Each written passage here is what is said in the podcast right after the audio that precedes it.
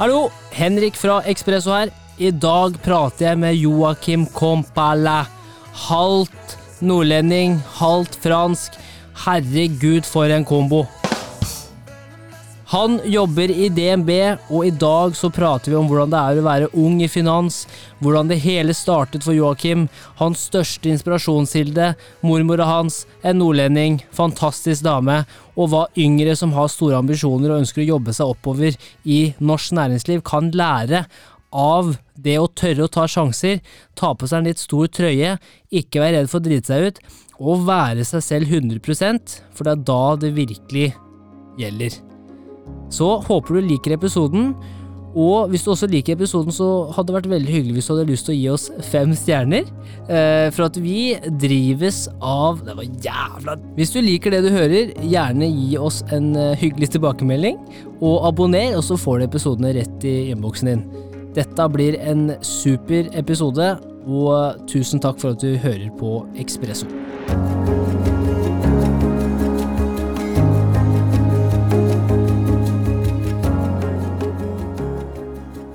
Hei sann og hopp sann. Hvordan går det? Hvordan går det? Nei, jeg vet da faen. Du vet da faen. Nei, jeg har det noe bra. Jeg er nå i hvert fall frisk. Nå sitter vi her med en uh, Ringnes Light. Ja, det er vel å merke light. Åh. Skål, da. Skål. Velkommen til uh, podkast, Joakim. Tusen takk. Eller Jokke, som jeg kaller deg. Ja, det er veldig få, da, men det er veldig hyggelig at du sier det.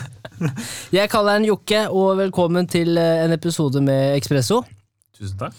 Det, ja, du gjør det. Ja. Hva, hva slags eh, si, altså, antakelser har du om dagens podkast? Hva tror du vi skal dykke inn i? Jeg håper at vi skal dykke litt inn i ikke bare meg, men litt tematikk, som Ja. er ofte litt gøy å snakke om, som jeg tror veldig mange er opptatt av. da. Ja. Eh, Så får vi håpe at de vekker noe interesse, da. Yes, og vanligvis så eh, pleier jeg å bjude deg på med kaffe, vann, te, eh, på en måte rogn i posen, det er ikke måte på. Men i dag så kom jo du med en smoothie fra Joe and the Juice til meg. Ja, Hva, er, hva, hva, hva slags smoothie er dette? Er det Sex Me Up? ja det er sex me up. Ellers så var det en power shake, tenkte jeg. Powershake? Ja, Vi må jo ha litt power nå inn i den Yes. siste motbakken, som Erna sa. det er sant. Det, jeg tror ikke på Erna, men uh, hun er god. Jeg tror ikke på Erna, altså. Jeg tror det kommer mange motbakker til. Ja, ja. Kan Hva være noen du? Små, noen små små. drag. Ja. Det tror jeg på. Hvordan ser, eh, hva tror du 2021 vil bjuda deg på med? Jeg tror det vil bringe, eller bjuda på, for så vidt, både utfordringer eh, og at vi får noen skuffelser, da. Ja. Jeg tror vaksine tar lengre tid enn det vi tror. Yes. Eh, og, men samtidig så tror jeg alle og hå- håper på at det åpner mye mer, da. Mhm. Så jeg håper jo på det, men Ja. jeg frykter at det tar litt lengre tid. Og vi skal, jo, vi skal jo prate om en god del ting i dag, som du nevnte. Vi skal jo egentlig prate litt om å, hvordan det er å ha en eh, stor interesse for finans i en ung alder. Hvordan jobbe seg oppover i et stort eh, konsern som DNB innenfor finans. Hva man kan lære av de større selskapene. Så jeg tror jo veldig mange yngre som eh, har en interesse for finans, og enten er studerer eller som på en måte er, i, er opp på vei opp og fram nå, kommer til å ha mye glede av dette intervjuet. Um, jeg kommer i hvert fall til å ha veldig mye glede av dette intervjuet. Jeg kjenner denne powershaken allerede begynner å gi meg power, som vi sier. Uh, så takker igjen for den. Takk. Bare hyggelig, og jeg gleder meg, som sagt. Det Ja. blir veldig bra. Det er hyggelig å bli invitert, i hvert fall når du har uh, veldig store gjester. Så kommer Kreti og Pletis hos meg, da. Yes. Vi, må ha, vi må ha begge deler. Vi må ha de eh, eldre, erfarne bautaene og de yngre, ambisiøse eh, Ja, yngre, ambisiøse menneskene. Kruttønne. Kruttønne. Apropos kruttønne. Du eh, heter jo Kompalla Ja. til etternavn. Eh, hvor kommer det fra? Det er et opprinnelig et fransk etternavn, så Kompala. men de fleste tar det jo på finsk, da, så Kompala. Ja. Ja, Jeg, tenkte kan- Nord-Norge med en gang. Kompalla. ja, så det mange eh, Men det er jo da fra min fars familie, mens eh, mamma er jo nordlending, da. Ja. Eller født nordlending, da. Og mormor også nordlending, så jeg har jo mye av det i blodet mitt. Ja. Mer egentlig enn Kompala etternavnet, vil jeg si. da. ja, mye bagasje det når du er eh, litt nordlending oppi her. Ja, ja, ja. Det er jo på godt og vondt å være halvt nordlending, da, vil jeg si. Ja, du har jo, eh, altså Gjennom oppveksten så har man jo mange fine forbilder. Eh, og man lærer jo seg selv å kjenne i oppveksten og hva man ønsker å jobbe med videre, og hva man, liksom, interesser man har osv. Men det er jo ei dame eh, som vi må touche innom, Ja. og det er jo mormor. ja, det er mormor, ja. Kan hun du, er en beskri karakter. ja, kan du beskrive karakteren mormor? Mormor, ja, hun er en veldig Hva skal jeg si det er, Må man prøve å vekte orda sine her, eller veie orda sine litt. Hun er, det er en kruttønne. Hun er veldig direkte, eh, samtidig som hun er veldig rettferdig. Da. Hun tør å si sannheten, og det er kanskje det jeg har tatt mest fra mormor. eh, Sånn gjennom oppveksten, eh, og kanskje i jobbsammenheng. Men hun er en livlig dame. Begynner å bli litt eldre og surre litt, men det er bare Ja. moro. Ja. Eh, og så er det veldig gøy med mormor opp igjennom. Ja. Og, og legger om dialekten min, da, selvfølgelig, når jeg snakker med henne. Mm. Og det er jo mest for moro, selvfølgelig, så jeg håper jeg ikke fornærmer noen. Men eh, det å være halvt nordlending er veldig veldig gøy. Det gir mye glede. Det gir, det gir veldig mye glede, faktisk. Ja. er en typisk samtale mellom deg og mormor. da. Kan du ta oss med inn i, inn i det universet? Jeg pleier å starte 'Hei, gamla' eh, når jeg ringer henne. Skal vi, skal vi rollespill? Jeg kan Ja. være mormor. Nei, du var mormor, da, så kan jeg Ja. være deg. Ja. Hei, gamla! Heia, hvorfor, hvorfor sier du det? Jeg er jo ikke så gammel. Ja, du ser jo Du ser jo faen ikke ut! Nei, nå syns jeg du er frekk. Nei, jeg, må jeg, bare, jeg må bare først si unnskyld. Altså, det var, jeg skjønner ikke hvor den kommentaren kom fra engang. Men jeg, man, det, man, man tåler å være litt frekk og freidig med en nordlending. Altså, Jeg gjør det med mormor. Ja, Så hun tåler, tåler godt det. Men det, det vi sporer ofte rett inn på, er helsa. helsa. Ja, det er, det er viktig for mormor. Ja. Ta vare på helsa, må være forsiktig i Oslo, og så mye rart som skjer der inne. ja. Så det er alltid helsetema. Og døden. Og det er innom det også. For, Altså at man uh, Memento mori, liksom. At vi alle skal dø og ja, vi er, vi er alltid dype temaer. Ja. Uh, og siden jeg var liten, så har alltid mormor sagt når hun går, da ja, Da må du si adjø til hun mormor, for det er ikke sikkert du ser henne neste gang. så det er dødens eh, Ja. Så det er dyster samtale før vi går, da. Til Ja. er vår eh, ting. Så virkelig være i nuet da, når du er med mormor. Ja, absolutt. Ja. Men uh, det er jo som broren til mormor sier, da. Du lever jo ennå. Ja. For han, når hun sier det hver gang, så er det ingen som tror på. Nei. Så det roper jo ulv, ulv, da. ja. Men uh, gjennom oppveksten, altså, uh, kan du beskrive Joakim som en ung poik? Ja, når jeg var veldig liten, eller mindre for så vidt, så var jeg nok veldig forsiktig som person. Eh, Mye mer introvert, eh, tror jeg. Og så utvikler man seg etter hvert som tiden går. Så det som jeg merket i hvert fall etter jeg begynte å studere og den veien, så ble jeg mye mer ekstrovert og fant egentlig den, den personen som passer kanskje meg best. da. Det er også litt med hvilken retning man går, interessene blir fulgt opp i større grad. Jeg har alltid syntes økonomi er veldig spennende. Det er fordi at det handler først og fremst om samfunnet, og det er mye, og de fleste handler om penger. Ja. Uansett hvordan du vrir og vender på det. Det er økonomi og pengestyring, insentiver. Alt har med pengesluk å gjøre, da. Så jeg startet jo da på NHH etter jeg var ferdig på videregående. Hadde en morsom periode på videregående òg, for så vidt, men det var jo som alle andre. Eh, helt, helt normalt. Mm. Men når jeg begynte på NHH, så fikk jeg et veldig stort nettverk. Jeg syntes det var veldig gøy å være med i studentforeningen. Mm.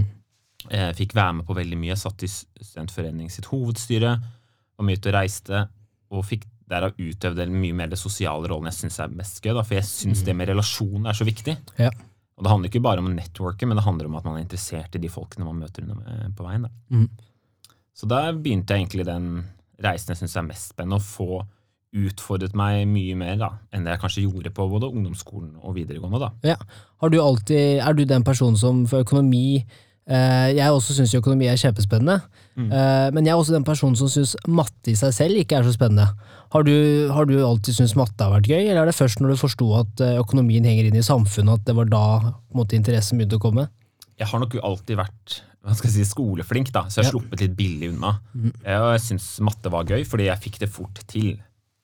Eh, Så derfor syns jeg det var både nyttig å lære seg, men også interessant, da, fordi det er på en måte, du slipper disse utgreiningene alltid, da, som jeg kanskje ikke er like interessert i. Nei. Men eh, så det, Sånn sett så var det jo perfekt å komme inn på en studie der det også handler mye om matematiske modeller og beregninger. Og, men det er jo også en kombinasjon av det strategiske og kommunikasjon, som Mhm. man kanskje jeg føler har lært mer i etterkant. da. Ja. Men eh, på videregående, hadde, hva slags ambisjoner hadde du? Altså, for det er jo veldig, for veldig mange så er jo, som jeg har nevnt før også, at eh, på en måte etter videregående så tar de et friår, eller går inn i Forsvaret, eller de på en måte jobber et år, sparer opp litt penger. Mm. Um, for at man veit jo ikke helt hva man skal gjøre, og man tar det litt sånn som det kommer. Men Var du fast bestemt på at jeg, jeg skal gå på NHO, og jeg skal på en måte gå den retningen? Jeg var nok det, for jeg, Fra jeg var liten, så har jeg vært veldig sta som person. Ja. Eh, og på en måte veldig sånn målbevisst. Så jeg visste vel egentlig på første, første klasse på videregående at NHH er den retningen jeg har lyst til å gå. Jeg har lyst til å studere økonomi. Og det, så det har liksom vært ett mål hele veien da, å jobbe mot. Så jeg har jo på en måte snudd Min, min mor pleier å si at jeg har snudd staheten min da, til noe bra. Ja. For jeg har jo vært sta når jeg var liten som barn i forhold til det trassen eller et eller annet. Men jeg har nok vært veldig bevisst på at det jeg har lyst til å oppnå, det skal jeg klare. Så derav så visste jeg på en måte i starten at jeg ønsket å gå på NHH. da. Eh, eller også utlandet, da. Men Ja. endte opp i Bergen, da. Ja. Store utland. Men hadde du, hadde du planen klar også hva som skulle skje etter studiene? Altså Tenkte du så langt, eller var det mer dette er første stoppested, og så ser vi Jeg tror nok det var det største, eh, første stoppestedet. Eh, at det var det, den retningen jeg ville. Og så hadde jeg egentlig ikke noe formening om Før jeg kanskje begynte på NHH, da ble bedre kjent med institusjonen og på en måte ble kjent med eh, studentforeningen og bedrifter kommer jo alltid på bedriftspresentasjon. og Hvilken retning jeg ønsket meg inn i. da. Så det var på en måte mer starten der. da. Jeg kunne ikke akkurat si at jeg gjorde det på videregående. Ja. Ja jeg gikk jo på BI, selvfølgelig, så vi har jo eh, vært eh, store konkurrenter Ja, ja. av eh, NHO. Kan du ta oss litt igjennom Kjente du noe på den konkurransen? Nei, eller, Nå satt jeg jo i Studentforeningen sitt hovedstyre, så du kjenner jo alltid på den konkurransen uansett, for man møter jo hverandre. Men jeg tror nok man har veldig mye gode synergier. da. I hvert fall når man sitter i et styre, så vet man jo også hvilke relasjoner man er interessert i å ha mellom skolene. Og det vinner man jo på i forhold til kanskje det politiske, da, den Ja. politiske agendaen. Men det er ting som tar litt lengre tid. Eh, sett opp mot, Men hvis du er enkeltstudent, altså som jeg når jeg bare studerte, så var det mer fokus på at ja, selvfølgelig NHH er den beste skolen. og sånne ting, og det, Man har jo alltid rivalisering. Ja. Eh, men jeg tror også det er veldig sunt da, at man har litt rivalisering, sånn at du får opp konkurranseinstinktet og at man skjerper seg. ja. Men eh, det er jo sånn at når du først har gått på en skole, så blir ofte det, det, det hjemmet ditt. da, Fordi man har så mange gode relasjoner, minner. Og så bygger man opp vennskap som varer livet ut. da. Ja. Hvordan, eh, nå skal vi passe på at vi ikke går inn i noe ja. vepsebol her, men eh, hvordan vil du beskrive forskjellen mellom BI og NHO? Ja, det er et godt spørsmål. Jeg vil jo eh, Hovedforskjellen tror jeg nok er at, at BI har kommet lenger på den å eksperimentere mer, da, mens NHH er mer tradisjonell skole. Og det kan, Der er det positive og, gode, positive og negative verdier på begge deler. Men eh, jeg tror jo at man kunne jobbet mye tettere sammen. da. Sånn som på, eh, men grunnen til at jeg liker NHH, for så vidt, er jo også fordi at man kom seg litt vekk da, Ja. eh, fra på en måte Oslo-regionen. da. Eh, og, så, um, og, men ellers så tror jeg begge skolene har veldig positive verdier på begge, men NHH er fortsatt favoritten. da, Ja. si. Et meget politisk svar, men fortsatt en, et snyss av en retning for hva som er favoritten. Så veldig interessant. Men du er jo født og oppvokst på Nøtterøy. Ja, Solkysten, vet du. Å herregud, hvordan, eh, hvordan er det? Eh, jo, det er jo et fantastisk ferieparadis, da, først og fremst. Jeg syns jo det om sommeren. Eh, du kan dra på båttur, du kan ja, være på øyer, du kan kose deg i solgangsprisen. Eh, og så selvfølgelig så har du jo den eh, klassiske dra på brygga, da. Mhm. Eh, Men jeg syns jo allikevel at man merker jo det at når du kommer hjem nå, da, som du, når man bor i Oslo og jobber i Oslo, så er det jo plutselig veldig lite igjen, da. Mm. Eh, Så det er jo den lysten av å få til noe mer og prøve seg på noe mer, da. Så savner savner om sommeren. Resten av året syns jeg det er veldig bra her i Oslo. Ja. ja men der, der er vi to. Jeg er jo også fra Konsvinger, så det er jo et, et lite sted, det også. Så jeg synes jo det er, det er jo gøy å være der ting skjer. Uh, og sånn har jeg alltid vært selv, at jeg syns det er gøy å, å være der det skjer, og, og lære nye ting, møte nye folk, få nye impulser. Um, men hvis vi går tilbake til liksom de første årene på, på studiene, da, hvordan, hvordan var den overgangen for deg? For jeg kan tenke veldig mange lurer på om det er yngre folk. Ikke sant? Først og fremst hva skal jeg studere, hva er interessene mine, men også um, hvordan er det å tilvenne seg til høyere utdanning, og hvordan var det for deg? Jeg tror jo utgangspunktet at hvis du er veldig motivert da, for å starte på høyere utdanning, så er det en riktig vei å gå. Men det tror jeg er et spørsmål man må stille seg før, for jeg tror nok mange bare søker seg rundt fordi de blir presset til å gjøre det. Fra alle andre som har lyst til enten å gå medisin, sivilingeniør og, og ta veldig gode utdanninger. da. Så tror jeg ikke man skal bli stressa eller pressa til å velge et studie, for jeg har jo også hatt venner som har sluttet på NHO etter kort tid, fordi det passa ikke dem. Eller føle at det, nei, det gikk der fordi vi trivdes så bra, men studiet var kanskje ikke helt ideelt.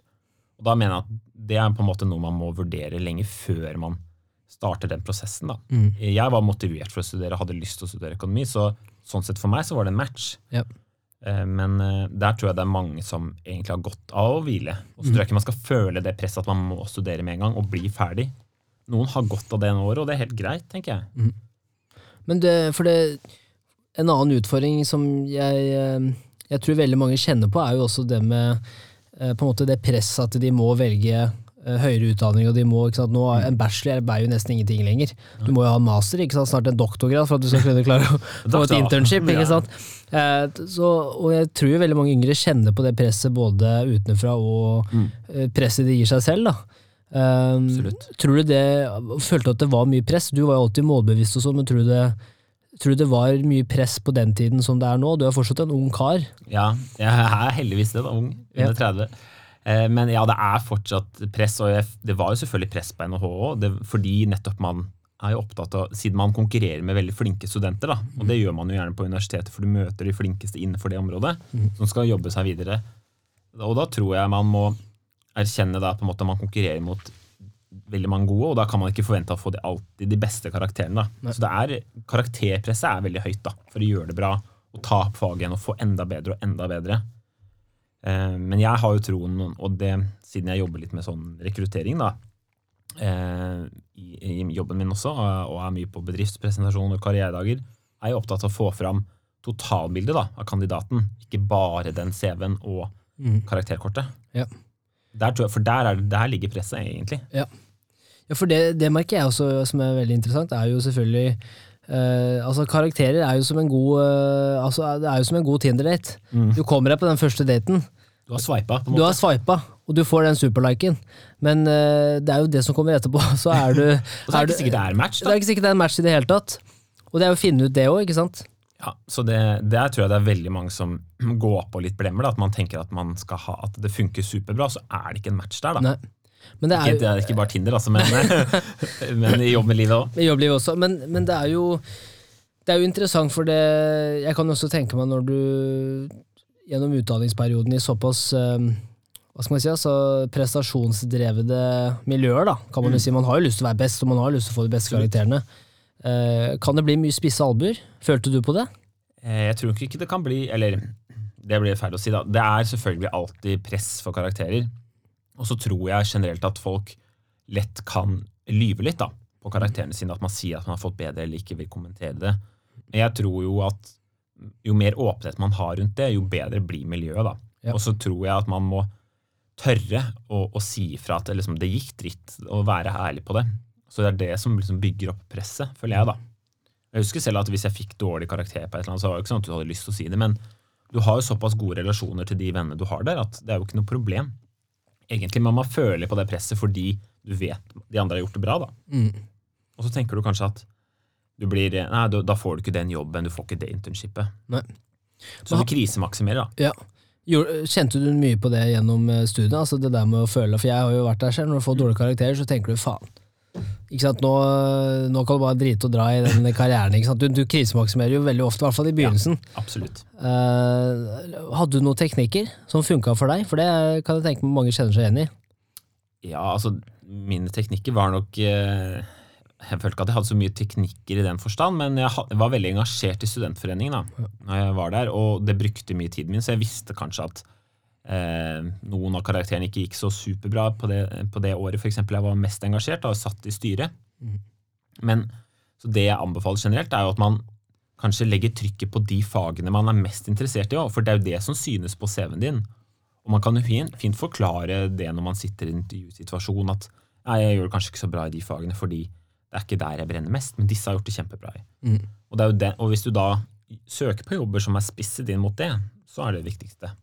Ja. Men du føler jo selvfølgelig presset der og da når du vet veldig mange har fått god karakter, og du har fått en dårlig. da. Mm. Så, så det er jo det der med å egne seg og se på hva, hvilken retning har jeg lyst til å gå. Da. Tenke litt det, og bruke energien der det virkelig skoen trykker. da. Ja. Sånn er det i jobb òg. Akkurat, og for det, Vi kom jo også over til den overgangen til næringsliv og, og, og første jobben, og, og hvordan på en måte gjøre bra inntrykk òg, da. Men eh, man ser jo på utdanningssystemet, det har jo ikke endret seg på 200 år. Så det gjøres jo fortsatt på veldig sånn konservativ og gammeldagse måten. Absolutt. Eh, Så på en måte innholdet i høyere utdanning føler jeg det har ikke endra seg så mye. Pensum er jo utdatert før du er ferdig, nesten. Ja. Eh, men hva vil du si, hva, det, hva har vært det beste med utdanninga di? Hvis du på en måte, både det faglige, det kan være relasjoner, det kan være det ene. Hva, hva føler du at er det hva er det største man sitter igjen med etter en endt bachelor eller etter en endt master? Det beste jeg nok sitter igjen med, er nok det nettverket og de relasjonene jeg har bygd opp. Og det er nummer én, på en måte. Nummer to er nok det at jeg har fordypet meg i den retningen jeg hadde lyst til å gå. Jeg har jo fordypet meg i finans. Og det er jo fordi det er jo det jeg brenner for personlig også. Ikke ba, altså det er jo interessant, eh, men det er på en måte noe jeg, jeg har en egen interesse av å lære. da. Og, der, og det tror jeg jo mange vil kjenne seg igjen i. da. På en måte Hvis de velger en retning som de brenner for, da gjør man det jævlig bra òg. Jeg vet ikke om det er lov til å banne, men Jo, for faen, det, det skal jeg love deg. Ja, det er Dette skal ikke på NRK. Nei, det er bra. Eh, men jeg tror jo det er på en måte nummer to, da, at du får fordypet deg innenfor den fagretningen du virkelig vil. da. Mhm. Eh, og så er det jo helt enig, utdanningssystemet er kanskje utdatert, men det man, metodikken man lærer, da, at du lærer å lære raskt Ja. Nordmenn er jo kjent for skiptak, og jeg var jo samme Ulla, jeg, Ja. på NHO. Eh, men at du klarer det, og, og lære deg raskt, og lære deg metodikker, mm. det tror jeg kanskje er det viktigste du drar med deg fra utdanningen. da. Ja. For sant, Mye av kunnskapen er utdatert, og det er ikke sånn man jobber i næringslivet, men du lærer å lære deg raskt. Ja. Ja, det er jeg helt enig i. Det å jobbe strukturert og det er som du sier, lære, lære seg å lære, uh, og lære fort, Mm. det er jeg også helt enig i. For det merker jeg uansett hvor eh, på en måte, hvor kanskje et eh, trassig og kjedelig pensum var, da, så er det fortsatt mye i forhold til hvordan du angriper en problemstilling. Og problemstilling, hvordan man angriper det, er jo veldig likt uansett hva du gjør. Det handler om å på en måte bryte ned problemet til mindre deler, og så starte med det du kan få gjort noe med. og så Hvordan jobber du sammen på team, delegere, altså alle sånne ting som Mm. man kanskje ikke skryter av når man er ferdig utdanna eller putter på CV-en sin, men som kanskje er like verdifullt. da. Så har du jo noen kunnskaper du måte, det legger seg bak i hjernen ofte, som jeg pleier å si, da, og så drar det seg fram når du møter noen problemstillinger. Så du har jo, Det er jo ofte sånn du går ut av eksamen, har glemt halvparten, kanskje. Ja, det er jo sånn det er, fordi man har korttidshukommelse og det, du pugger til det. Men du har det allikevel, så lenge du kan metodikken, så er det mye av det du kan bruke i jobbsammenheng. da. Ja. Eller i hvert fall noe av det. da. Men det å også være med i utvalg og sånn, Mm. Eh, hvor viktig er det? Altså, du har jo også På BI i hvert fall, så hadde Ja. noe som het uh, makroutvalget, og jeg tenker jo makroøkonomi, spennende, men det var nok kanskje mer makro Red Bull. Ja, En svær Red Bull som noen drakk og festa hvor mye uh, ja, sosiale eventer. Hvordan, hvordan var det på NH? Ja, altså, det er jo en utrolig aktiv studentforening, og det er jo noe, det er den beste opplevelsen jeg har hatt sånn sett i livet. Jeg syns det var fantastisk gøy å studere der og være med i utvalg og være engasjert. Mhm. Men eh, det, altså, det er jo en kostnad over det, som jeg snakket om, at du bruker mye tid, og det går kanskje utover enkelte karakterer. Da. Men eh, jeg tror jo man må være litt opp, eller Det kommer litt an på personlighetstypen. da. Er du en person som elsker å pugge og lese, så er det kanskje ikke det du bruker mest inn på. Du kan være med i noen enkelte ting. Men så, for meg, da, som er en veldig sosial person, ønsker å være med på det, så ønsket jeg å være med på det og bruke tiden min på det. Mm. Men det har aldri dukket opp noen spørsmål i intervju hvorfor jeg har på en måte vært så aktiv. da. Mm. Det har vært mer et pluss, vil jeg si. da. Ja. Så, men eh, jeg mener jo ikke at alle skal være alltid like godt engasjert, eller, men jeg tror jo at alle har godt av det. da. Fordi man lærer seg mye mer, altså det å jobbe sammen, jobbe i team, og sånne ting som du kommer til å få bruk for i jobbsammenheng. da. Men når du kom hjem til, eh, til Nøtterøy da, og snakker med mormor, sier du mormor, jeg skal bli helt rå på finans. Hva, hva sier mormor da når eh, lille Joakim sier at nå skal jeg, eh, nå skal jeg Finans elsker jeg. Det har jeg lyst til å, å på en måte fordype meg skikkelig og lære mye om det og jobbe meg oppover. Hva sier mormor da? Hun sa vel sånn 'skal du jobbe i Norges Bank'? Eh, Så sa jeg ja, det kan jo hende. Ja. Ja, men det har jeg trua på, for da må du gjøre noe med disse. Det er så dyrt i Norge. så trodde jeg skulle gjøre inflasjonsjustere alt, da, selvfølgelig. Ja. ja, men det er jo en, ta en eh, doktorgrad i inflasjon, og så bare gønne på. Ja, ja, det er eh, piece of cake. Men ja, så apropos Norges Bank, hadde du eh, gjennom liksom kanskje år nummer to og tre begynt å gjøre deg noen tanker om hvor du hadde lyst til å jobbe etter studiene, og hvor du hadde lyst til å søke det? Var det liksom, for nå er du i DNB, men var det et stort konsern som DNB fra første stund, eller på den tida tenkte du også mindre type selskaper? Eller fem store, selvfølgelig. Jeg tror jeg, jeg tenkte på de fire store, eh, eller fem store, som det kanskje har blitt. Jeg vet faktisk ikke hvem den siste er engang. Ja. Nei, jeg vet ikke jeg. Men eh, jeg tror jeg tenkte mye på det fordi jeg er en sånn person som liker et mer trygt rigg å starte i. Jeg tror er fint kunne gått ut i et mindre selskap der situasjonen er i dag. Eh, Så det var liksom starten på det. Men, eh, men også tror jeg fokus på startups og den delen kom litt senere enn min tid på NHH. Jeg føler at det er mye mer fokus i dag. At den gründerideen Nå har de jo Gründerdagen, f.eks. Så det er jo for så vidt veldig bra da, at den Ja. delen har kommet i etterkant. Men det var nok litt eh, etter min tid det kom. Da. Ja, ja for det, det har jeg hørt flere ganger før også, når det har vært folk på podkasten, at det, på en måte det med å sant, gründervirksomhet og jobbe i yngre teknologiselskaper og sånn, det Jeg husker jo det, altså det er jo ikke mer enn kanskje seks-sju år tilbake hvor det på en måte, det var ikke kult i det hele tatt. Da var det liksom de, ja, de fire store, da, å, jobbe for større selskaper og, og jobbe seg oppover der, og så har det på en måte blitt et skifte nå hvor det er litt sånn Nei, nå har jeg lyst til å jobbe for noen mindre selskaper og få mer eierskap og, og få være en del av uh, fart og spenning, da, der det skjer ting. Um, så det kom jo kanskje litt seinere, ja. Det kom, det kom nok litt senere, og så er det jo lett å få fokus på de største selskapene, fordi de betaler jo ofte mest for å komme først. først. Ja.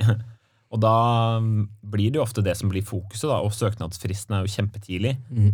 Og da blir det en skjevfordeling i forhold til startups, eh, gründervirksomheten, versus de veldig etablerte. da. ja. Så det, men det siste året, da, Mm. på utdanninga, hva, hva, hva tenkte Joakim da? Da siste året, da hadde jeg faktisk signert jobb eh, hos Ernst Young. Eh, og jeg var på vei da til utveksling, som var mitt siste halvår da, eh, på Berkeley. Det er ganske godt å ha allerede kontrakten i boks før du drar på utveksling. Ja, det var veldig behagelig, det skal jeg ærlig innrømme. Ja. Du følte at du liksom kunne seile litt inn i solnedgangen da. Men var, det, var du redd for karakterene da, når du dro til Berkeley? Nei, var ikke Nei. det i det hele tatt. Eh, fordi det er jo ingen hemmelighet at det norske vitnemålet ditt, der får du jo bare godkjent Ja. på de utenlandske karakterene. Men, Det er helt magisk. Ja, det er helt magisk. Ja. Eh, og så var det jo absolutt ingen ja, rocket science å stå i USA, da. Nei. Um, Sorry Americans. ja, sorry Americans, ja. Men det var jo ufattelig gøy. Jeg anbefaler jo alle å dra på utveksling. Det var jo et eventyr. Ja. Jeg lærte jo ikke så mye, da, Nei. men jeg hadde det jævlig gøy. Men hva, hvordan var det? Altså, ta oss gjennom, for jeg, jeg husker jeg tenkte jo det selv på videregående. Så tenkte jeg nå har jeg veldig lyst til å dra på utveksling. Og så veit jeg ikke helt hva som gjorde at jeg ikke dro. Men altså, er det, det er det samme med, med utdanninga nå. Altså, jeg jobba jo eh, med på en måte gründervirksomhet og sånn ved siden av studiene. Og istedenfor å dra på utveksling, så jobba jeg heller i eget selskap. Og det er jo en Man får jo erfaring av å jobbe i eget selskap og lære mye av det. Ja, ja. Men når jeg ser tilbake på det, så tenker jeg også litt sånn det hadde vært veldig godt å få dratt på utveksling og oppdage en ny kultur eller et nytt land eller en ny Ja. by, da. Eh, Man lærer jo mest av Ja. måte, det kulturelle og det sosiale versus sitte på skolebenken, fordi det kunne du like så godt sitte her i Norge og Ja. Så Berkeley, hvordan eh, For det første, hva, hva slags tanker hadde du før du dro dit? Jeg tenkte vel egentlig at jeg hadde jeg hadde veldig lyst til å oppleve den amerikanske skolehverdagen. da. Alle ser jo på det på film og tenker sånn Ja, det er jo sikkert eh, Jeg tenker sånn, det er jo ikke sånn i virkeligheten, men eh, det er jo faktisk sånn. Er det, det er liksom, Der kommer alle de fotballspillerne og Ja, De Er sitter sånn? på bakerste rad Ja. ikke bryr seg så fælt. Eh, og så har du alle disse superflinke studentene som sitter helt foran. Og, vi, og så er det nordmenn og sånn typisk. Så vi var en gjeng der borte. Ja. Som sitter sånn i midten da, og ja, surrer med vårt, på en måte. Er jo mest opptatt selvfølgelig av å bestå, da. Og komme seg gjennom så du får det godkjent. Ja. Men eh, så, Og campus, ikke sant. Kjempesvært. Enorme campuser, og, og du bare beveger deg rundt, og det er masse flinke folk. Og du tenker bare sånn Hva gjør jeg egentlig her? Mm. Man er bare superheldig for å få være der. Ja. Hvor, hvor svær er den skolen? Altså, Hvor mange studenter er det de har i året? Jeg husker ikke, det er hvert Jeg vet ikke, sikkert eh, vet ikke, 20, kanskje 30 000 studenter, da. Ja. Som går gjennom alle mulige ulike løp, da, selvfølgelig. Mhm. Men, eh, og de starter jo veldig tidlig, da. De er jo mye yngre. Jeg var jo der på, som masterstudent. Mm. Mens, og de starter jo på um, university mye tidligere. Ja. Og derav så blir det jo en helt forskjell i aldersgrupper når du var på disse fratfestene. ikke sant? Dritunge folk. Ja. De røyker eh, hasj og Alt mulig. Alt mulig, ja. Ja. Og du tenker bare sånn, herregud, eh, nå begynner jeg å bli gammel. Ja. Skal jeg hjem til Norge og jobbe, og, Ja. mens de flyr der halvnakne og surrer rundt. Da skal jeg bare klippe bort den. Nei, ja. Nei, men eh, ja, for hvordan For du nevnte jo det, ikke sant? eh, Forskjell mellom eh, norsk studentliv eh, versus amerikanske, da. Hvordan, hva, hva slags andre ting var det som var veldig forskjellig? Altså med studiehverdagen og det ene og det andre. Du blir jo pushet mye hardere på å komme gjennom løpet. da. Du har masse oppgaver underveis. Veldig annerledes fra det norske systemet, der du kanskje har én oppgave som gjør at du kvalifiserer arbeidskrav. For å bli godkjent og gå opp til eksamen. Ellers er det opp til deg resten av semesteret. Her er det masse multiple choice, masse caser. Eh, og det er jo ikke sånn at det er utrolig mye mer arbeidskrevende enn det er i Norge. Det er bare at du må gjennom disse tingene. Mm. Og da eksamen vekter jo mye mindre, da. Ja. Så det var jo egentlig Det er jo en mye mer positiv opplevelse fordi du lærer underveis. Mm. Og kanskje er godt for oss nordmenn da, som er vant til sånn Ja. Definitivt. Og høyere utdanning i USA er jo først og fremst det er jo veldig dyrt. Absolutt. Eh, og selvfølgelig det er ikke alle som har mulighet til å gå på de gjeveste eh, holdt jeg på å si, utdanningene og, og studiene også, med mindre de har støtte. Men eh, er det noe vi kan lære da, av amerikanske måten eh, USA driver med utdanning på? Høyere utdanning, da. Ja, altså de er jo mye mer altså, De er i hvert fall mye lenger foran, da, vil jeg si, i bruken av ny teknologi. Altså forelesninger, case, tenke nytt rundt det, hvordan de vurderer karakterene.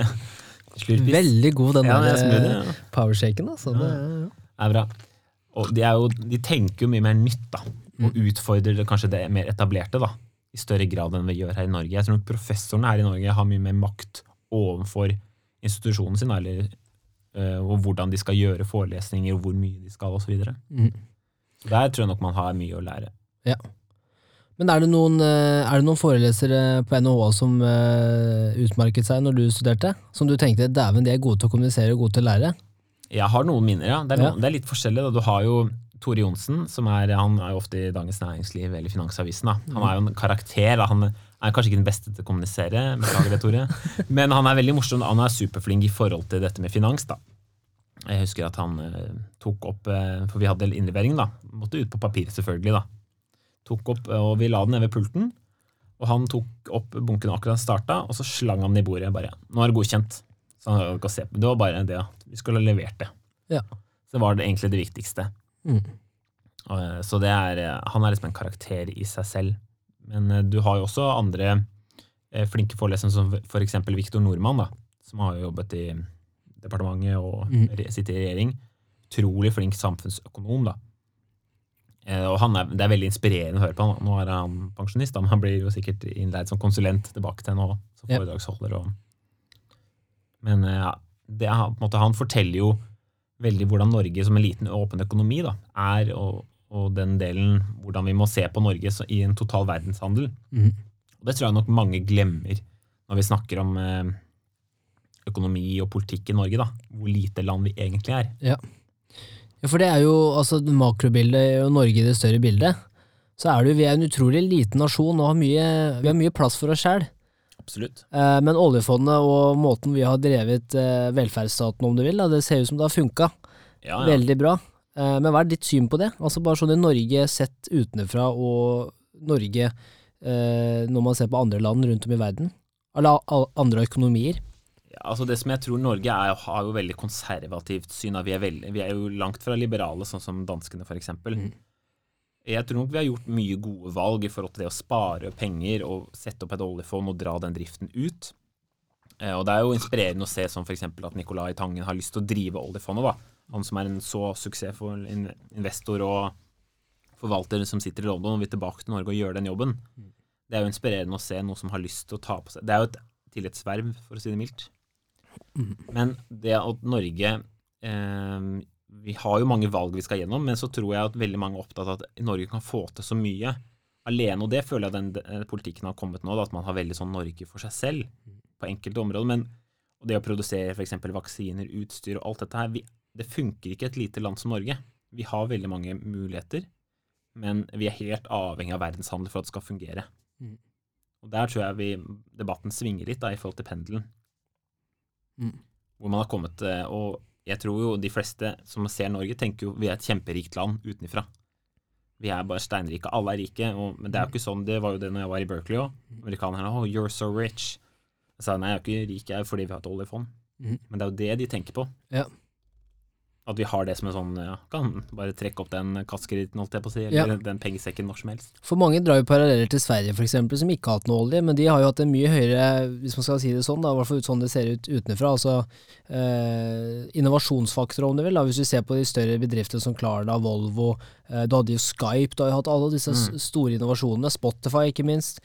Uh, og vi har jo hatt store ting i Norge òg, men det har vært mer innenfor olje og på en måte Offshore. Ja. offshore ingeniørbiten. Um, men eh, hvordan vil du på en måte se Norge og Sverige opp mot hverandre, med tanke på at Sverige har jo ikke hatt den samme hva skal Nei. man si, altså den akseleratoren da, som det vi har hatt, kanskje? Jeg tror nok svenskene har eh, blitt tvunget da, til å tenke mye mer nyskapning når vi er vant til å ha en veldig tung industri. Ikke sant? Mm. Hvis du tenker på Norge fra historisk, da, sånn shipping, fiske eh, ja, og noe jordbruk da, som vi, Mm. vi fortsatt har, men Ja. kanskje ikke er alltid like lønnsomt. Nei. Det får man jo ta en annen gang, kanskje. Men, eh, og derav så har det jo bygd seg, også, så kom jo oljen og bygget opp en leverandørindustri fordi man ønsket folk i arbeid. Og det er ikke noe gærent i det, men da har det jo blitt fokus på de industriene. ikke sant? Du har vannkraft, du har vindkraft. Det er mye sånn tunge industrier, aluminium. Og så har jo staten alltid vært veldig stor eier i veldig mange eierposter, som, som Telenor, som Yara, DNB. Mange av de store norske børsnoterte selskapene er jo statlig eid, eller i hvert fall den majoriteten. Da. Mm. Og da blir jo det på en måte fokuset også til staten, da. Ja. Så man får kanskje ikke den der gründertankegangen eller i like stor grad, da, for det er store kjemper som drar, eller store lokomotiver, da, som ofte sies. Ja, altså det er jo, jeg tenker Vi kan jo bare fortsette nedover den veien nå, men det er jo eh, Nå snakker man jo om bærekraft og på en måte hva skal være den nye oljen. Eh, og så snakker man om Noen sier jo data er den nye oljen, men da tenker jeg sånn, ja, men ja Altså, hvis du kan overføre alle de 350 000 arbeidsplassene innenfor uh, olje, på en måte, mm. uh, hva skal de jobbe med etter oljen, da? Hvordan ser du på det, eller hva er dine tanker rundt den debatten om hva som kommer etterpå? For vi kan jo ikke fortsette å leve på den Nei. resten av altså livet, holdt jeg på å si. Jeg, og, det, og det er jo heller riktig, men det fungerer jo ikke sånn. Men så tror jeg jo Norge er Og derav er vi veldig konservative. F.eks. dette med vindkraft, da, eller offshore vind. Hvorfor satser vi ikke i større grad? Fordi man ser bare på regnestykkene hele tiden. Mm. Og man er jo opptatt av arbeidsplasser og tenker at ja, man skal få til det grønne skiftet og den ordningen, men jeg tror man må være litt risikotakende. Da. Det er det statens rolle er på disse prosjektene. De må ta større risiko, for det vil ikke bedriftene. Mm.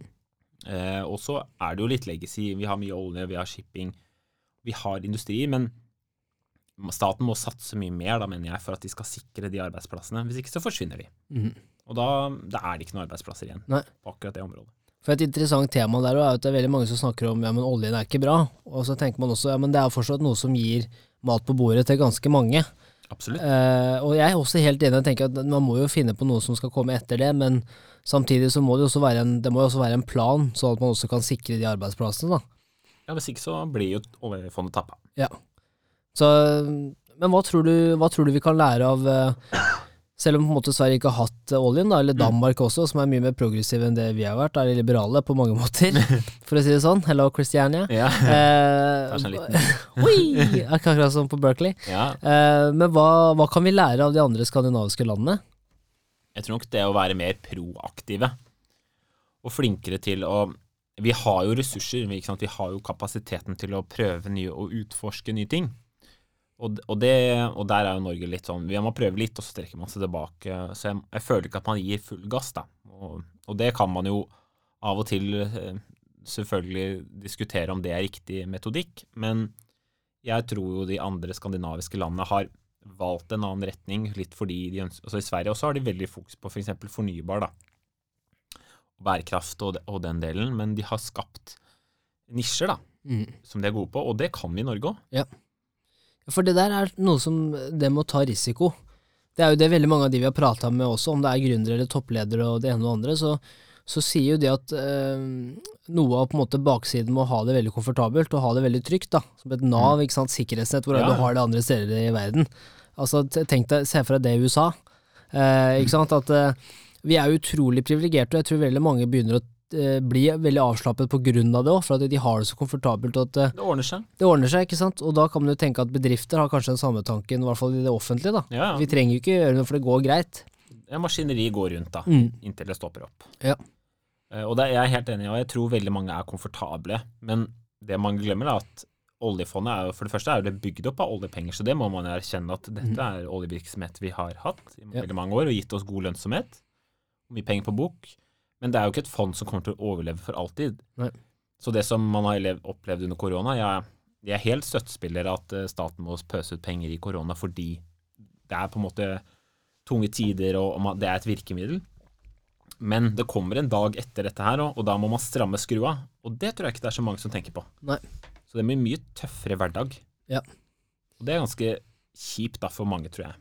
Det er bare å se, sånn som for oss, da, når vi blir pensjonister, da. Mm. Ikke sant, at eh, De som pensjoneres nå, sier de seg i hvert fall at de har mye bedre eh, hva skal man si, altså fallskjerm, hvis man kan kalle det Ja. det, da. Eller avslutningspakke det vi, enn det vi får, da. Avslutningspakke. Ja, her er det det- bare å legge seg Sluttpakke. Her, er det bare, her skal du avsluttes. Nei, det var feil.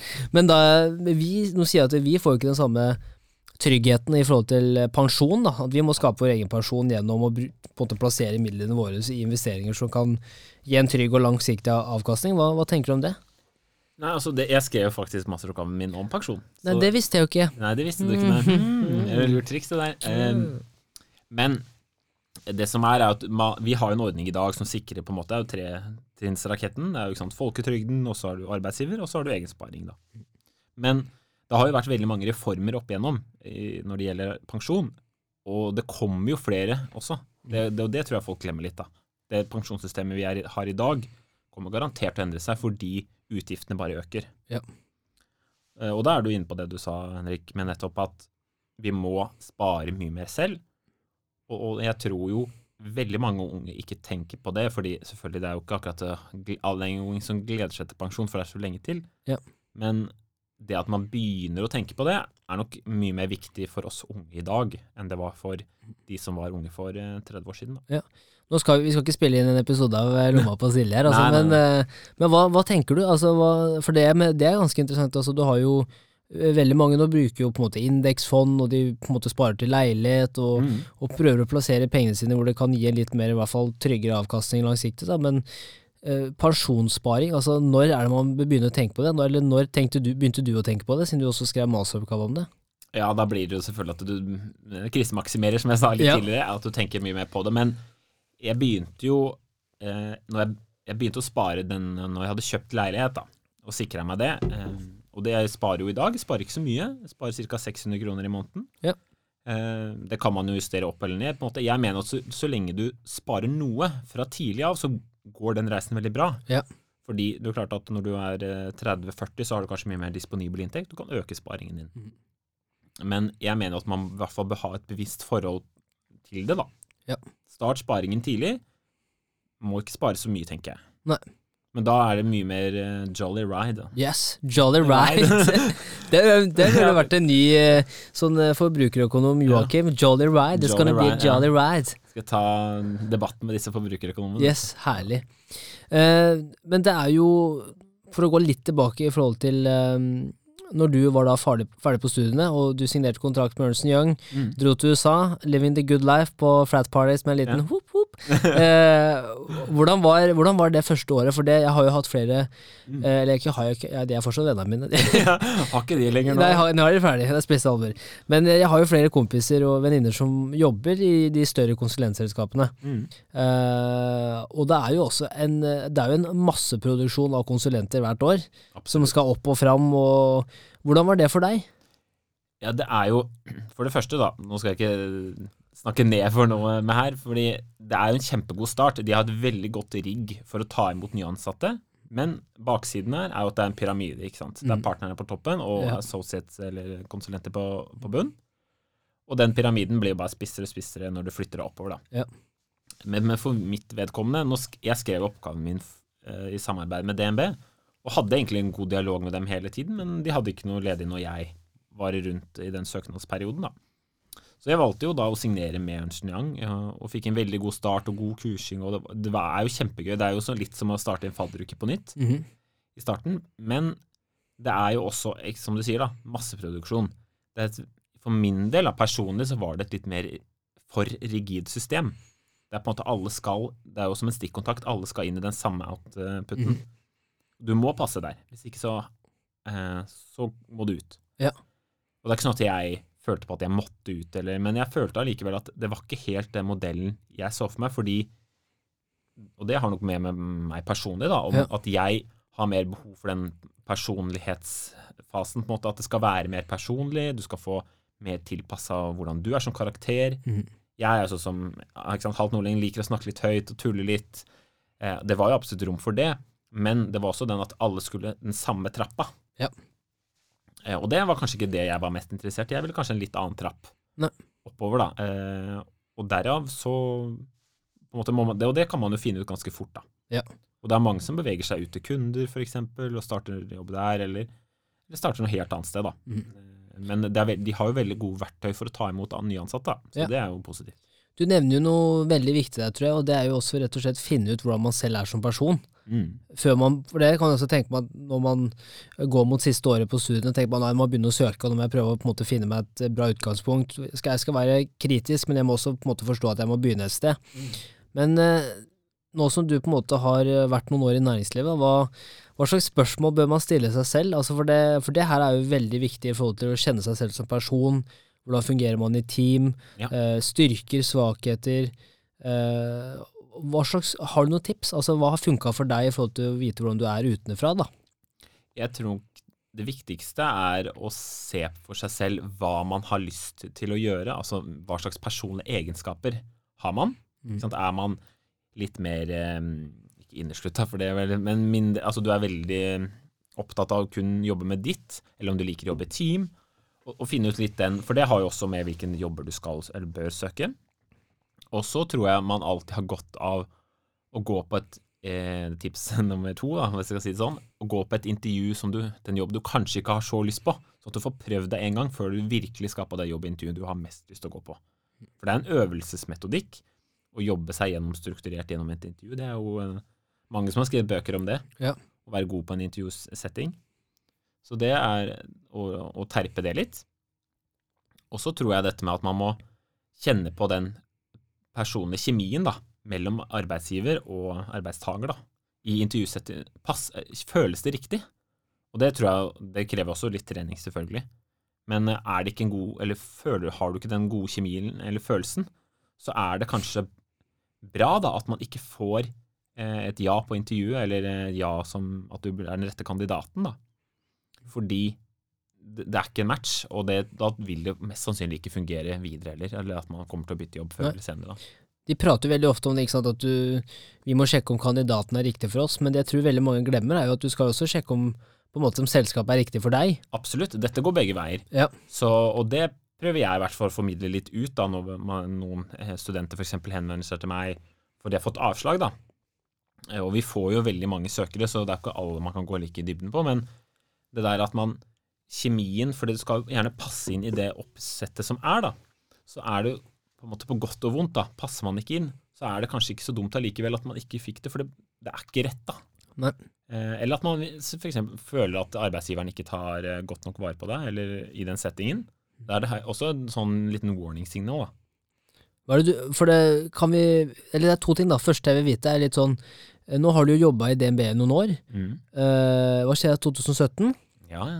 Herregud, for en research her, da. Ja, ja, fy faen. Wikipedia-profilen din stemte. Jeg må oppdatere den, forresten. Ja. Eh, men, eh, så da har du jobba i DNB noen år, og, og kan du ta oss gjennom hvor var det du begynte i DNB? Mm. Og så eh, hvordan har de årene vært, og hvor er du, eller hvordan er det du jobber i dag? Det kan jeg gjøre, vet du. Ja. Eh, det blir sånn eh, DNB-reisen er fra A til Å. Nei da. Eh, Men eh, liten slager der. Jeg startet, eh, eh, som sagt, i storkundeområdet, som den gang het. Nå fins jo ikke det lenger, for man har slått seg sammen. Men da startet jeg som forretningsutvikler slash det de kalte market specialist, at du skulle jobbe i markedet. Jobbet mye mot liksom, de største internasjonale kundene til DNB, da. Og hadde ansvaret for eh, det, det, mye av de globale kontorene. Eh, for vi har jo globale kontorer som de fleste ikke tenker For de fleste tenker på DNB. Det tror jeg ikke mange tenker over. Nei, at DNB er ganske store internasjonalt. De fleste tenker jo på det fordi du er personkunde, og du har kanskje noe problem med innlogging og noe annet skit som dukker opp av og til. Eller at du ikke får overført noe penger, og det kommer noen avisoverskriftene. Men Ja. vi har jo et internasjonalt nettverk. Vi har kontor i Singapore, vi har i London, Stockholm, New York. Jeg har jo fått muligheten til å reise, og det var jo litt av grunnen til at jeg hadde lyst til å begynne hos DNB, for jeg hadde lyst til den internasjonale aksen. Så startet å jobbe mye med de internasjonale kontorene. Jobbet, med, jobbet mye med det som var eh, forgjengerne til grønne lån altså, og grønne obligasjoner på den tiden. Eh, og det var veldig spennende å få være med på den reisen og etablere mye av fundamentet på det. da. Mhm. Sånn at, og nå har det jo blitt mye mer formalisert da, hva, sant, i forhold til Green Loan Principles og Green Bond Principles, da, som er retningslinjer alle bankene har signert og blitt enige om. Men, mm. men det er veldig, var en spennende reise. Og så, det ble vel i jeg husker ikke hvilket år engang, men eh, for et, det er et par år siden da, så ble det en sammenslåing av storkundeområdet og det de kaller bedriftsmarkedet, da, som er bare i Norge. Så de slo seg sammen, da. Disse, eh, så jeg jobbet, har alltid jobbet med bare bedriftskunder, da. Og på den tiden så tenkte jeg jo at den stillingen jeg hadde, den ville jo ikke fin, eh, finnes. Sånn er det jo en restrukturering av selskapet og en omorganisering. Det er en annen ting som veldig mange sikkert unge opplever, da, at det kan være oms, eh, omstillinger og merke litt sånn press. Eh, men da må man bare være litt rask på ballen, da, og hvis man har bygd seg opp et nettverk, se etter muligheter med en gang, istedenfor å bli stressa av at du er i en omstillingsfase, da. Mm. Men det jeg valgte å gjøre da, var at jeg gikk til treasury-avdelingen, som er på en måte finansieringsavdelingen til banken, eh, som sitter eh, på en måte i, meglerhallen da, sammen med markedsoperasjonen, og fikk muligheten til å være med og jobbe med egenkapitalen til banken. Da. Det er på en måte eh, et veldig spennende område treasury i seg selv, fordi de har ganske mye innvirkning på hvordan både priser ut til kunder, hvordan banken er finansiert, og du får jobbe med på en måte andre banker igjen. da. Så det er på en måte et interbankkonsept. Ja. Og der, eh, der startet jeg og fikk eh, jobbet bare et år, da, fordi jeg havnet tilbake til mitt gamle område, som var sammenslått, da, eh, som leder. da. Men, men før jeg går inn på det, så var det jo veldig spennende, og det tror jeg veldig mange har godt av, å lære seg hvordan selskapet fungerer, altså kjerneverdien i et selskap. Så det som jeg pleier å si, da, jeg lærte motoren i banken og jobbet i Treasury. Hvordan vi opererer og sørger for at banken fungerer i den daglige operasjonen i forhold til funding og plasseringer. Man må jo plassere penger over natten, f.eks. Eller sikre finansiering og likviditet. da. Og Det fikk jeg jo oppleve under korona i mars. Mhm. Eh, og det er litt samme hvis man trekker parallelt til finanskrisen og ser på en måte hvordan markedet reagerer da, når korona treffer som verst. da. Mhm. Så det er liksom et øyeblikk jeg aldri kommer til å glemme, tror jeg. Ja, for Hvordan var det? For det jo, Jeg snakka med Rune Bjerke, og han nevnte jo litt under finanskrisen og sånn, da begynte å se det var veldig mange røde variabler i markedet. og Ja. begynte å, Prognosene bare kom inn, og du så bare ok, her er noe gærent. det er noe gærent, det er noe som ikke helt stemmer. Forbrukerne reagerer på en måte, på en måte eiendomsbransjen reagerer på. Mm. og så bare, Det er flere og flere måte, sånne bokser du kan bare tikke av. og Du ser at her er det noe som ikke stemmer. Men hvordan var det? For at finanskrisen var jo det var en finansiell krise. Ja. Mens eh, pandemien har jo, det er jo en, altså en, altså en Global helt, krise, global krise, en helt annen type krise enn det har vært. Men som er jo en av bivirkningene, Det kan jo være en finansiell krise, liksom. Absolutt. Det er bivirkningen på en måte av det. Eh, Og det som man opplevde For det er jo klart at etter finanskrisen har jo bankene vært en hel annen situasjon, da, som har bygd opp egenkapitalen. Det var jo litt av problemet under finanskrisen, at Mm. egenkapitalen ble bare slukt. Mens det har man jo mye større grad i dag. Um, men man merket jo allikevel at f.eks. dette med likviditet, da, som bankene er opptatt av, de låner jo penger mellom hverandre daglig for at likviditeten i et globalt marked skal gå opp. Det er jo sånn makroøkonomisk å, Mm. å tenke på det. Men, men det som var da, var at man opplevde at det man gjerne ser på innlånskostnader til banken, altså obligasjonsspreddene, da, gikk jo i taket. Og det ble jo rødt på alle børsene. Sentralbankene begynner å stresse. Eh, ikke sant? Sånn at de Det man ser da, er på en måte at man, du får med deg på en måte den økonomiske nedturen da, eh, fra et bankperspektiv, og du må sørge for det viktigste. skal man sørge for at det er likviditet, og at kundene våre har f.eks. likvide rammer. da. De kan Mm. trekke opp lånene sine. For det er jo klart at hvis når alt stenger ned, og de ikke de har noe in når hele inntektsgrunnlaget forsvinner, så vil jo de gjerne ringe til banken sin, Mm. og eventuelt eller gå inn i nettbanken og trekke opp hele kredittrammen sin. da. Mm. Hvis de alle gjør det, så blir det jo likviditetsskvis i markedet. Ja. Så man må jo prøve å roe ned da, markedet i større grad, og det man, klarte man da. Hvordan gjør man det? Ja, nei, men altså, det kan jo være et eksempel da, hvis Equinor ringer inn da, og ber at de skal få utvidet rammen sin fordi de har behov for likviditet, så er det jo også det at de fleste ringer inn i panikk, Ja. eh, og har behov, føler at de har behov for penger i dag, men det er kanskje om noen måneder, når de skal gjøre en refinansiering eller noe annet. Ja. Så det er på en måte å ha en god relasjon til de kundene og spørre de kritiske spørsmål, er, har det Mm. behov, eller er det mer sånn stressvariabel da? Hvis en, eh, hvis en kunde som eh, Norwegian da, Mm. ringer, og, og de forstår at de kommer til å ha 200 fly på bakken over de neste månedene, Mm. og de ønsker også å, å få en høyere likviditetsramme, hva For de er jo gira som bare rakkeren. Ja, de er, det er gjeldsbetynget, da. Ja. Og for hvordan er skiller man mellom det, for man har jo noen store bautaer som drar mye av økonomien, sånn egentlig. Ja, ja. Eh, Stordalen er jo også, ikke sant, med Choice Hotel, som også, drar jo mye av økonomien, men samtidig eh, måte, Hvordan gjør man det? Hvordan gjør man den skilleladden mellom de større selskapene? Ja, det har jo med, også med hvilken risikoprofil banken er interessert, da, og det lærer man jo når jeg, når jeg jobber til Treasury, så får de også innsikt i det. da. Hva slags risikoappetitt ønsker banken, da? For det er klart at du, Vi kan jo låne ut til høy, altså bare gire opp veldig mye.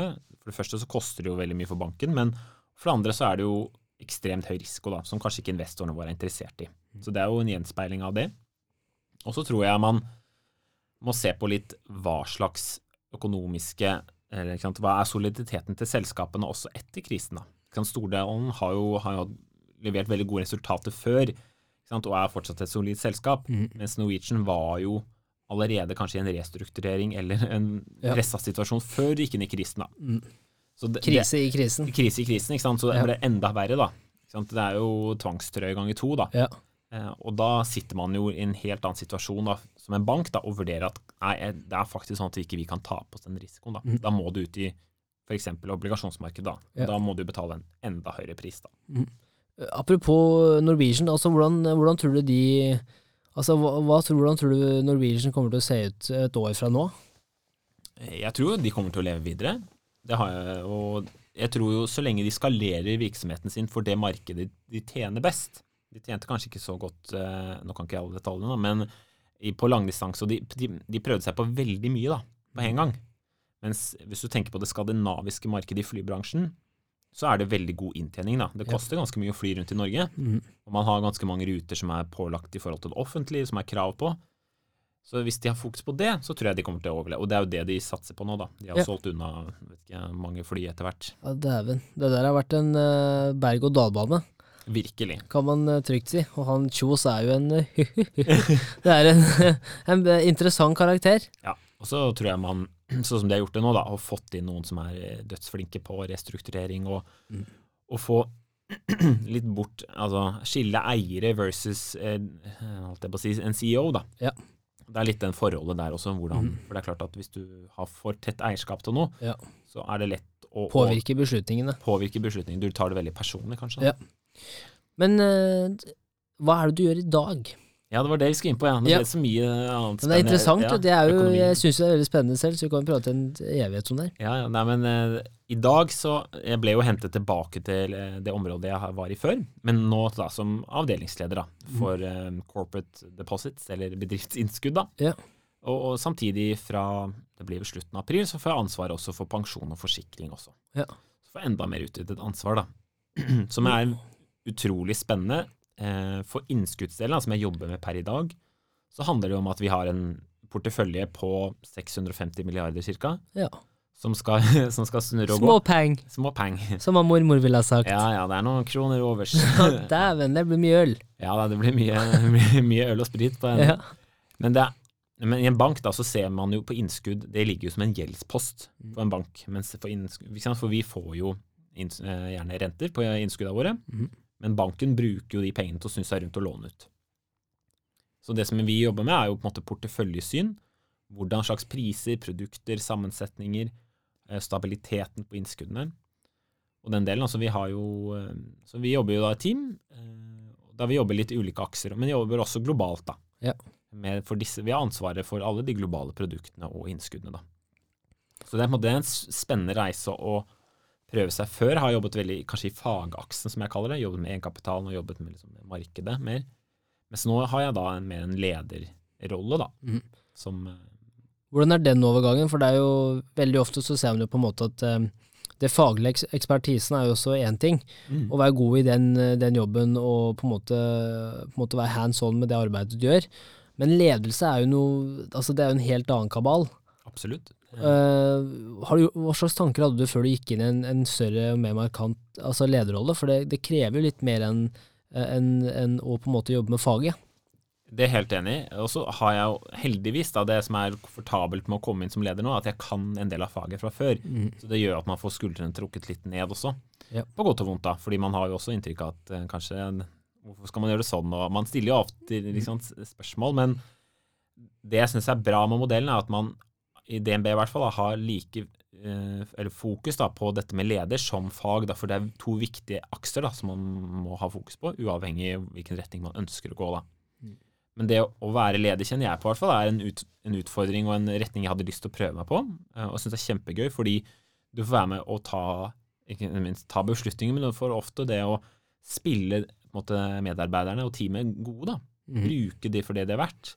Og, og ikke minst hjelpe dem med liksom karriereplanlegging, utfordringer, eh, ja, personlig motivasjon, eh, og tenke mye mer rundt det, da, det strategiske. Mm.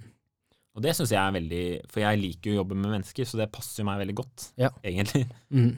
Men hva, på en måte, for nå har du jo gjort en del intervju også, du har jo ansatt et par personer også, men hva, hva har du lært av det? For at det er jo også, kan jeg tenke meg, veldig interessant å se de menneskene som gjør det bra på intervju, Mm. Uh, sammenlignet med de som på en måte du ser at det, de kanskje ikke er seg selv 100% og de blir de, kanskje de, ja, Hva skal til for å prestere? Eller hva har du sett, i hvert fall? Jeg tror jo at man må alltid spille på de kortene man er best på. Uh, Og, og det gjør jo aldri noe om man har noen mangler eller noe utviklingspotensial. Det tenker jeg bare er positivt. For er man ferdig utlært og kommer inn med en sånn holdning, så tenker jeg at det er, dette er kanskje ikke en personlig match som jeg gjerne vil ha på mitt team. da. Men jeg tror jo veldig på dette med at man er ærlig og har en åpen dialog på der man er god, det man ønsker å utvikle, eh, og ikke minst har en morsom og ærlig tone. da. Mm. Det, man, det er den personlige matchen jeg alltid er ute etter. Ja. Når man passer inn i gruppa. Eh, og nå er det kvinnedagen i dag, så mm. uavhengig på måte, kjønn, det skal være likestilt, på en måte. Det er jo helt basic, Ja. selvfølgelig. Men det er på en måte fortsatt den beste kandidat, som jeg mener da, alltid skal få jobben. da. Mm. Og så må man selvfølgelig tenke på hvordan man setter sammen et team. da. Ja. Hvilke roller skal vi ha, hvilken struktur skal vi ha? Men eh, jeg liker jo folk som gjerne er litt proaktive, da. Tar initiativ eh, og, og tenker kreativt, da. Er Ja. problemløsere eh, istedenfor å tenke bare problemer. Ja. Eh, og, og det er mange som ofte går seg litt bort i problematikk og men uh, hvis man jobber er vant til å jobbe i team, så ser man jo fort at ja, du kan bare spørre noen, så løser det seg. Så man løser jo veldig fort problemer i et team, da. Ja. Problemløsning og ta initiativ er jo eh, noe også måte som har vært viktig, og særlig større selskaper som kan utenfra kan bli sett på som sånne svære maskineri, byråkrati. Sant? Ting tar tid, da. Absolutt. Hvordan, hvordan tar man initiativ og, og er proaktiv i et større konsern hvis man ønsker å liksom jobbe seg oppover og, og fram, da? Det må jeg si at jeg har veldig Altså, når jeg kom inn i DNB, så tenker man jo selvfølgelig at det er jo et byråkrati, og det er et hierarki, og det er det selvfølgelig, fordi det finnes jo eh, ulike linjer der man skal ta beslutninger. Men jeg har alltid følt i de rollene og de sjefene jeg har hatt, da, at de har alltid vært veldig positive til at man ønsker å utvikle seg, ta nye oppgaver, ta nye initiativer. Og, og der tror jeg, eh, så lenge på en måte butikken er stabil, så klarer man å ta de, de på en måte utfordringene, og gi de utfordringene også, da. Men, men det, du må også være åpen som eh, en avdelingsleder eller sjef da, på at eh, dine ansatte har lyst til å også bevege seg videre, for det er noe jeg har diskutert med, med de som jobber på mitt team, da, at jeg kan ikke forvente at de skal jobbe der i 30 år, som kanskje det var før i tiden. Jeg må legge til rette for at de er interessert i å være her i dag, om to år, og så tenker jeg at det beste jeg kan gjøre, er at de er ambassadører ute i andre områder. Og det har, da har jeg vært heldig med mine tidligere sjefer også, at de er veldig pro at man har lyst til å bevege seg videre og prøve seg på nye utfordringer. da. Skape den mobiliteten et selskap gjerne vil ha. Ja. Og der har du kanskje store selskaper en fordel, da, fordi du har et indre jobbmarked. da. Mm. Der du kan bytte jobb, og det er viktig for selskapet, fordi da kjenner man jo verdiene, man har lyst til det. Men man trenger kanskje bare noen nye utfordringer, da. Og det er, jo, også, det er jo mye mer dynamisk i dag også enn hvordan det var før. Altså, du, altså, du ser jo de som har fått gullklokka Ja, ja. etter å ha jobba et sted i 30-40 år, og det er jo altså Å på en måte prøve å se for seg det i dag er jo helt uvirkelig, nesten. Å jobbe Ja, det er et sted i 40 år. Mm. Det er jo Altså, jeg blir veldig Altså, jeg syns det er interessant, for uh, fattern har jo jobba På en måte et, et selskap jobba der i 36 år. Og det er så lenge. Ja. Og, og, og på en måte se for deg vår generasjon i dag. Altså, vi har jo ikke Det funker jo ikke sånn. Nei, nei, nei. Eh, vi har jo tillit til arbeidsgiveren, men den lojaliteten er jo ikke helt den samme som man var. Eh, og det tenker jeg er positivt òg, for det stiller jo større krav til Ja, både det, arbeidsgiveren og, og de også- ansatte. Mm. det er jo toveis på den også. Ja. Samme som personlig match. Det skal også være gi og ta, da. Mhm. Men sånn, eh, sånn avslutningsvis, da, for å oppsummere litt. Nå ble det litt, det var litt teknisk i dag, og det var Ja, interessant. Så jeg må jeg bare si, si fra til folka i institusjonen at det blir litt teknisk. Uh, men hva tenker du om, eh, om livet videre? Altså, på en måte, hvordan skal du utvikle deg i 2021 og 2022 og, og veien videre? Hvor, hva slags ambisjoner og tanker har du?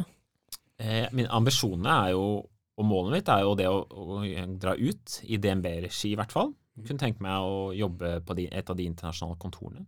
Om det er eh, neste år eller når det er. Det, men jeg har en ambisjon om å gjøre det innen i hvert fall et par år. Mm -hmm.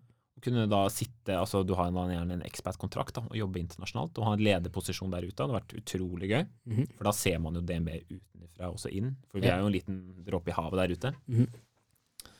Og så er det jo dette å få mer ansvar og kanskje jobbe i andre lederposisjoner, da. Jeg, Mhm. sier- altså, jeg må ikke bare være leder, men jeg syns det er veldig gøy og givende. Og jeg kunne også tenke meg et større team, da, fordi jo, jo flere man har, jo mer strategisk blir man jo. Mens nå jobber jeg også ganske mye operasjonelt. Mm. Og det er jo spennende i seg selv, men det er jo fortsatt en, en lengre vei å gå, da. Så det, det er noe jeg virkelig kunne tenke meg eh, å jobbe videre med, da. Ja. Ja, det er kjempespennende. Også, jeg tror også i den podkasten her i dag også at veldig mange lærte at på en måte DNB også har jo en del, god del kontorer internasjonalt. Mm. Uh, at det ikke bare er i Norge også. Ja. Eh, og det tror jeg kanskje har åpna øynene for ganske mange. Um, men hvis du ser for deg eh, ja, Joakim, da. På, skulle gitt råd til Joakim på ja, la oss si 23 år, Mm. og på en måte var snart ferdig med masteren og skal ut i arbeidslivet. og eh, på en måte Hva slags råd vil du gi deg selv, eller hva tror du er viktig som ung student i dag å tenke på, uavhengig av hva du studerer, eller hva du ønsker å bli? da? Jeg tenker jo at man ikke skal være så redd for å prøve og hoppe litt mer i det. Alt skal ikke være så planlagt og, og nøye, eller tenkt så nøye gjennom, fordi det finnes så mange jobber og utfordringer å prøve seg på. Eh, samtidig så jeg tror at man som ung har veldig godt av det å eh, jobbe internasjonalt. Dra ut, jobbe internasjonalt og få den erfaringen som du kan plukke med fra utlandet. Det er, det er, det er veldig annerledes arbeidskultur bare du drar til Sverige, f.eks. Mm. Man skulle jo ikke tro det, men det er det fortsatt. da. Mm. Så jeg tror det internasjonale, og, og ikke minst dette med at man må eh, prøve seg på både sto, store og små selskaper, da, så at du lærer deg den dynamikken. Mm. Jeg tror alle har godt av å, å føle seg litt ukomfortabel av og til. Ja. Eh, og ikke minst dette med å rekke opp hånda. Ikke? Kaste seg på. Ikke være så redd for at noen tenker at ja, men den passer ikke til meg, eller Mm. Eh, Ja, men alltid den stillingsbeskrivelsen passer jo ikke min bakgrunn. Det, det er jo bare ikke sant? Man vil jo alltid ha det beste når Ja. man er en arbeidsgiver, Mm. men eh, tenk at man er den beste. Ta initiativ. Ta initiativ, ja. Eh, og ikke heller være redd for et hierarki. Det kan jeg Mm. for personlig si. Da. Det med tanke på at jeg er nordlending, så er det jo Ja. Eh, Vi har jo en konserndirektør, eh, Harald, og, og han sitter jo da i ledergruppen. Og Mm. jeg er jo ikke sånn at jeg er redd for å sende han en mail hvis jeg skulle ha noe, altså, eller møte han i gangen og kan prate litt tull. Nei. Mens det er mange som tenker med en gang at ja, men eh, herregud, kjenner, og jeg får spørsmål kjenner du han. Jeg bare nei, herregud, jeg kjenner han jo ikke, men har du jo jeg er bare en, på en måte, har det gøy, da. Morsom eh, halvnordlending. Ja, ja, men man må, og man må ikke ta seg selv så høytidelig, eller være så seriøs alltid. Mm. Det er lov til å tulle på jobb og ha Ja. det gøy. Ja, det synes jeg, Den er spot on, for der Ja. er jeg også helt det samme. Jeg, altså, jeg kødder uansett om det er CEO eller om Ja. det er eh, en kollega eller hva det er for noe. Så jeg er Det tenker jeg, men det er jo at Joakim er Joakim uansett hvem Joakim møter. Så lenge du er flink, Så du er flink, ja. så er det ikke så farlig. Nei. Men du skal få lov til å kunne kødde litt og ha det gøy. Mm. Det, alt skal ikke være så båndseriøst, for da blir det jo Kjedelig, du skal jo faen meg jobbe er et langt år, da. Ja, ja, Eller langt år. Du skal jobbe hele Du skal jo jobbe helt til du dauer, nesten. ja Det det, blir jo, et langt liv. det blir sikkert 70 før vi blir pensjonister. Å, herregud. Og så blir vi kanskje ikke pensjonister, så vi bare fortsetter å jobbe til vi dauer. Ja. Ja. Det kan godt hende, det. Da er det i hvert fall viktig å trives. Ja, det er jeg enig i. Så, men eh, Joakim, eller eh, Jokke, Ja. eh, Joe and the Juice, har du lært noe i dag? Ja, jeg ville si det. Ja. Har lært. Du, man reflekterer jo veldig godt når man sitter og snakker Ja. om seg selv, eller tematikken. Yes. Jeg tror alle har egentlig burde nesten satt opp sin egen liksom, podcast-stand. Ja, men det er akkurat det. Altså, det Og hører jeg. reflektere litt. Ja, reflektere. Jeg er også ekstremt dårlig å tenke, liksom. Reflektere sånn, men man blir jo utfordra av og til, og det er bra. Det er veldig mange av de eldre faktisk som har sagt at uh, jeg har vært litt sånn hobbypsykologene, så de har Ja. sett seg ned med meg. For det er liksom Det er spørsmål de har tenkt på, men de har aldri stilt seg, stilt seg det selv og måtte på en måte reflektere om det åpent eller høyt, da. Så ny forretningsidé, da. Så nå skal jeg begynne å ta betalt for disse episodene, og jeg kan være hobbypsykolog også. Ja. Det er jo Psykologer tar godt betalt, de. Du skulle bare visst, altså. Det her ble, Ja, det ble dyrt. Det ble dyrt, for å si det sånn. Faktura kommer i posten. Ja, bra. Men uh, Joakim Ja, og vips, ja. Det er jo faen meg det beste som finnes. Men eh, tusen takk for at du eh, tok turen til Myntgata i dag. Tusen takk for meg, det var veldig hyggelig. Og jeg håper ikke dette blir siste prat, og kanskje neste gang skal vi gå enda mer inn på makrobildet og sånn, for det er ganske interessant. Helt enig. Ha en fin kveld. Ha en fin kveld. Hei sann.